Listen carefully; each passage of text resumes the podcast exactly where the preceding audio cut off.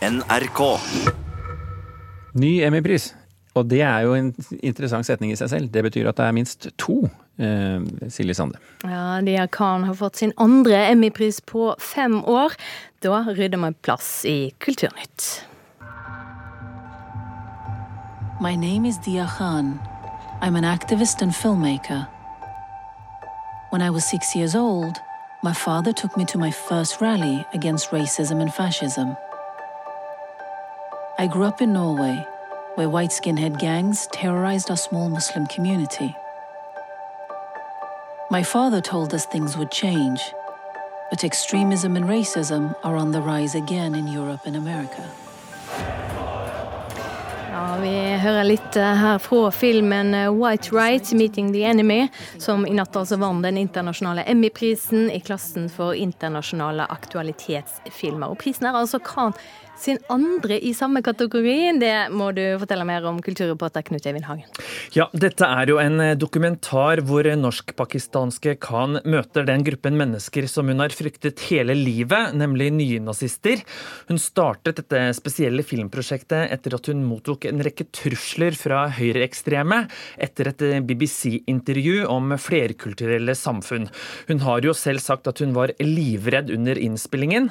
Denne filmen er Khans fjerde dokumentar dokumentarfilm. Hun har vunnet mange priser tidligere, og hun vant også Emmy for sin første dokumentar, 'Banas A Love Story', som var om æresdrapet på en ung kurdisk-britisk jente i 2013. Og Emmy det er jo en svært høythengende pris, så dette er en stor seier. Ikke bare for Khan, men for hele Film-Norge. Så skal vi høre at flere av de fremste kulturprofilene her i landet er opprørte over forfallet ved viktige kulturinstitusjoner som Nationaltheatret og Vikingskipet. I går sa skuespiller ved Nationaltheatret Mats Austdal at han frykter at teateret må stenge. Kollegaen hans Lise Fjelstad mener det handler om politisk nedprioritering og vanrøkt. Jeg syns det er skammelig, og jeg syns det er flaut. Jeg syns det er uh, Norge uverdig. Lise Fjelstad er rystet over hvordan det står til med vernet av Norges kulturarv. I går fortalte NRK om det store forfallet til Nationaltheatret. Etter 40 år ved teatret kan Fjelstad mye om store sprekker, mangelfull ventilasjon og dårlige arbeidsforhold. Men hun mener den totale situasjonen når det gjelder våre historiske bygg er enda mer alvorlig. Jeg synes ståa er så dårlig som den kan få blitt. Altså, vår fremtid må bygges på vår fortid. Vi må iallfall ha fortiden i bunnen. Og at vi da bare skusler det vekk på uh, sånn måte.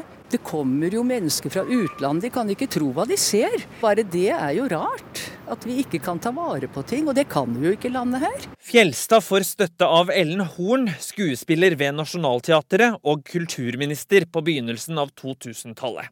Hun har for lengst gått lei av situasjonen, både ved teatret og f.eks. vikingskipene på Kulturhistorisk museum, hvor det har blitt sendt bekymringsbrev om tilstandene. Jeg blir sint og opprørt. Både som kulturpolitiker og som ansatt på Nationaltheatret begynner jeg å bli eh, ganske tom for ord. Det er rett og slett uh, uverdig, slik som dette er blitt uh, hengende og utsatt igjen og igjen. Hvis vikingskipene skulle gå tapt, det hadde jo vært en virkelig internasjonal katastrofe.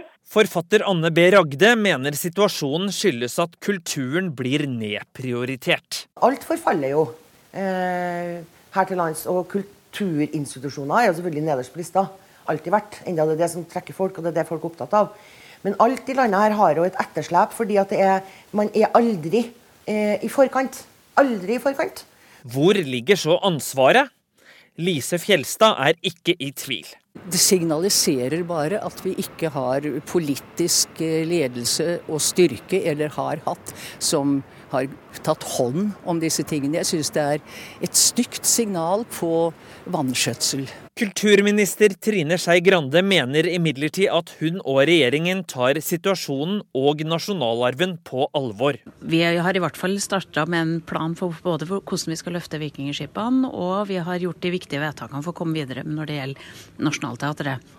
Ellers er det mange år med dårlig vedlikehold som gjør at vi kommer i de situasjonene vi er i. Vi må begynne å bli mye dyktigere til å ta vare på byggene våre, enn at vi skal ha sånne store sjau der vi skal redde dem. Men selv om kulturministeren lover å ta tak i situasjonen, mener Ellen Horn at det står til strykkarakter at oppbyggingen av Nationaltheatret fortsatt ikke har begynt, nesten 20 år etter at hun selv var teatersjef en kulturnasjon verdig. Det er demotiverende, det er deprimerende, det er pinlig for Norge.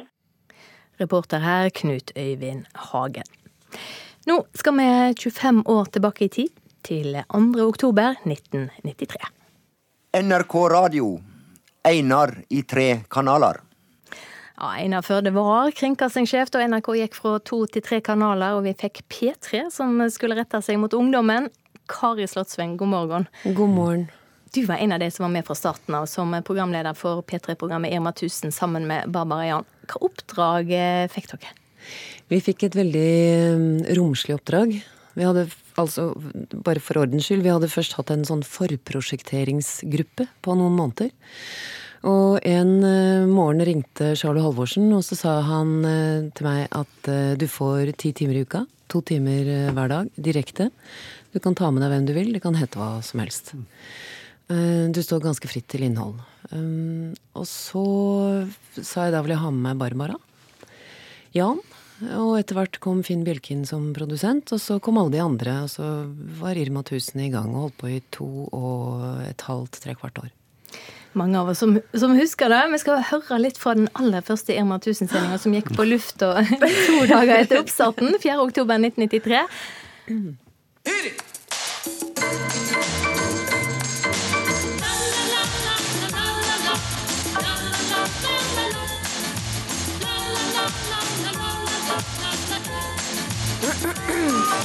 Kunder, i dag åpner vi, eller kanskje i dag åpner vi, og ikke hvilken som helst åpning, men åpningen av Irma 1000. Og det er en stor glede og en ære, og det er med tårer i øynene jeg gjør det. Kan du holde opp beina litt? Hm? Kan du holde opp beina litt, så jeg kommer til under? Hermed erklærer jeg dette programmet for Pippi Langstrømpe, Mummitrollet, Lillebror og Knerten. Nødt skal dere være. Var det mulig å få? Skal jeg komme igjen litt seinere, kanskje? Å, takk. Gjør det, er du snill. One, two, three, ja, du sitter og ler litt her. Hva, hva, hva husker du? Jeg husker det, men jeg har ikke hørt på dette på veldig mange år. men dette var en helt ny måte å lage radio på? Ja, det var visst det. Men det tenkte jo ikke vi over i noen særlig grad. Altså, vi, vi, tenkte jo at dette ikke hadde vært gjort på NRK på samme måte. Men uh, jeg tror at Og det gjaldt de aller fleste som var med i P3 den første tida, og jeg tror også en del fortsatt. At de gjorde det de hadde lyst til å gjøre. Uh, og så bare rant det litt over, så jeg. Det var et sånn overskuddslager av greier som kom ut av skallene våre. Hva husker du best? Fra, den fra Irma 1000? Ja, fra den tiden. Det er flere ting. Det ene er jo at jeg husker at jeg At det var vanskelig å holde seg på matta. At det var vanskelig å holde seg alvorlig. Så det var i matta der? ja, ja, i hvert fall snakke slik at folk fikk med seg det du sa, fordi Barbara hadde en sånn helt spesiell eh, sånn slags lystgassvirkning på meg. Eh, så det var mye fliring og sånn, og så var det en veldig tett produksjon. Vi jobba intenst. Det tok en stund før vi begynte å improvisere helt, så vi skrev masse den første tiden og lagde føljetonger. Og denne føljetongen som het eh, altså den Sankt Annes hospital, og som etter hvert ble Sankt Annes nye hospital, en sånn sykehusføljetong, den skrev jeg jo gjennom hele historien vår. Men jeg tror en av de tingene jeg husker best, var at vi ble invitert til Libanon og hadde Irma 1000 fra Falkhøyden. Hvor vi skulle være med å åpne en satellittsender til Kypros. Og at vi møtte en, et eller annet befal eh, på Folkehøyden, og det var liksom tidlig vår, og vi kom gående der, og valmuer, og veldig spesielt å være i akkurat dette politiske landskapet også. Så møter han oss, og så sa han at eh, ja, jeg forstår at det er dere som er Irma 1000. Og så sa jeg ja, det er oss, hei, hei. Og så sa han at ja, personlig syns jeg ikke det er spesielt morsomt, men eh, mine menn syns det er et eller annet hysterisk, og da er det i orden. Velkommen.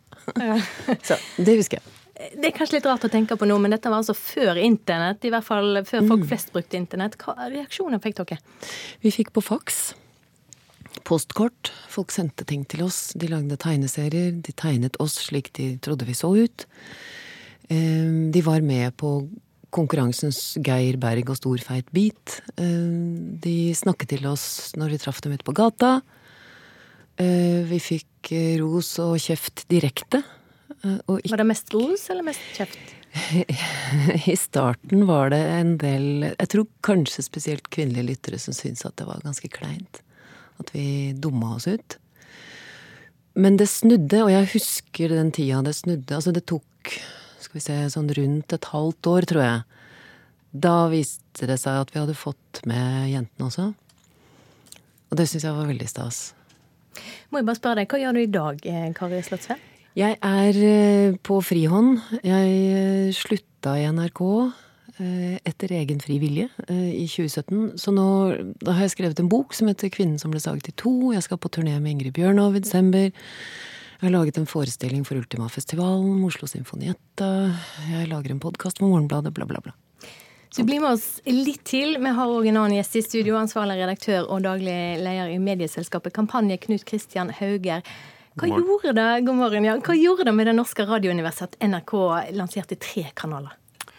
Det er klart, eh, Den lanseringen kommer jo på en tid hvor medielandskapet er i fundamental endring. Kringkastingsmonopolene ble jo eh, brutt opp, og vi fikk jo, hadde jo året før fått TV 2. Og en del av det politiske vedtaket den gangen, når man la, åpnet for at NRK skulle få tre kanaler, var jo også etableringen av P4, eh, den kommersielle radiokanalen.